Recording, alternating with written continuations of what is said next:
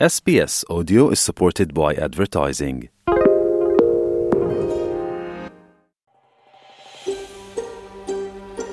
तपाईँ एसपिएस नेपालीको साथमा हुनुहुन्छ अरू रोचक सामग्रीहरूका लागि एसबिएस डट कम डट स्ल्यास नेपाली जानुहोस्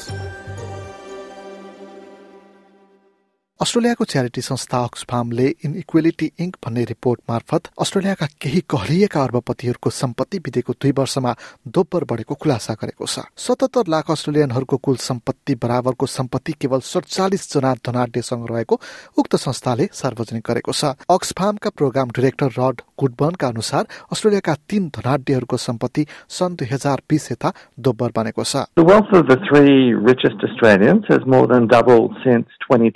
The wealth of the three richest Australians has more than doubled since 2020 at a staggering rate of $1.5 million per hour.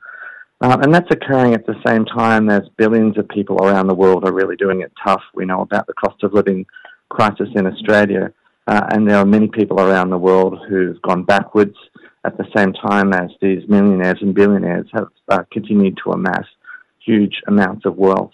What we're seeing uh, this year and in this decade is uh, galloping wealth uh, amassed uh, and, and wealth concentration at the top end while people are going backwards. उनीहरूमध्ये केहीको सम्पत्ति त घण्टामै पन्ध्र lakh dollar बढेको पाइएको छ भनिन्छ अस्ट्रेलियामा सरकारी सहायतामा बाँचिरहेकाहरूले बढ्दो महँगाईको भार देख्न नसकेर छाक काट्न बाध्य छन्। त्यसरी पनि अस्ट्रेलिया सरकारलाई धनी र गरिबका बीचमा खाडललाई कम गर्न कर सम्बन्धी नियममा हेरफेर गर्नका लागि बेला बेलामा आह्वानहरू हुने गरेका छन्।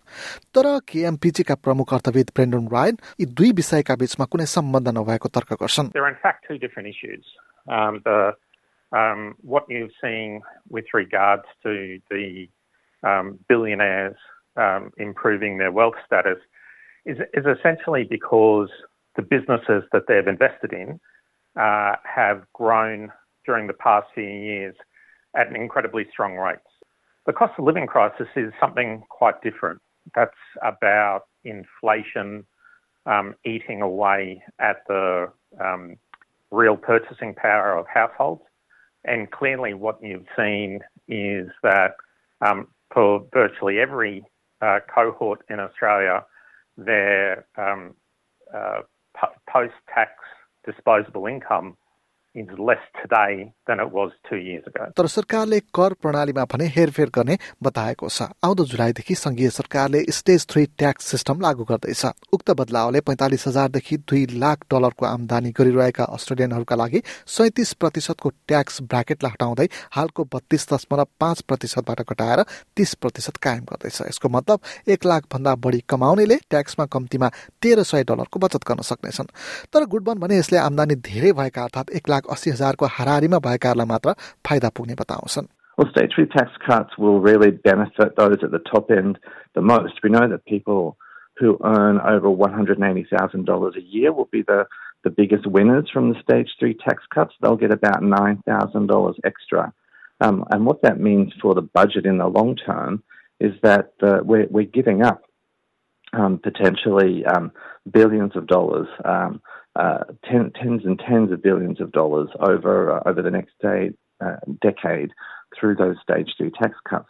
उनले सम्पत्तिमा करको दायरा बढाउँदा धनी र गरिब बीचको खाडल कम गर्न मद्दत पुग्ने पनि बताए गुडबलले फसिल फ्युल सब्सिडीमा कटौती र ठूला संस्थाहरूलाई स्थायी रूपमा विन्डफिल्ड प्रफिट ट्याक्स लगाउन पनि प्रस्ताव गरे Taxing big fortunes uh, would definitely help raise additional money. So we argue for a wealth tax for millionaires and billionaires.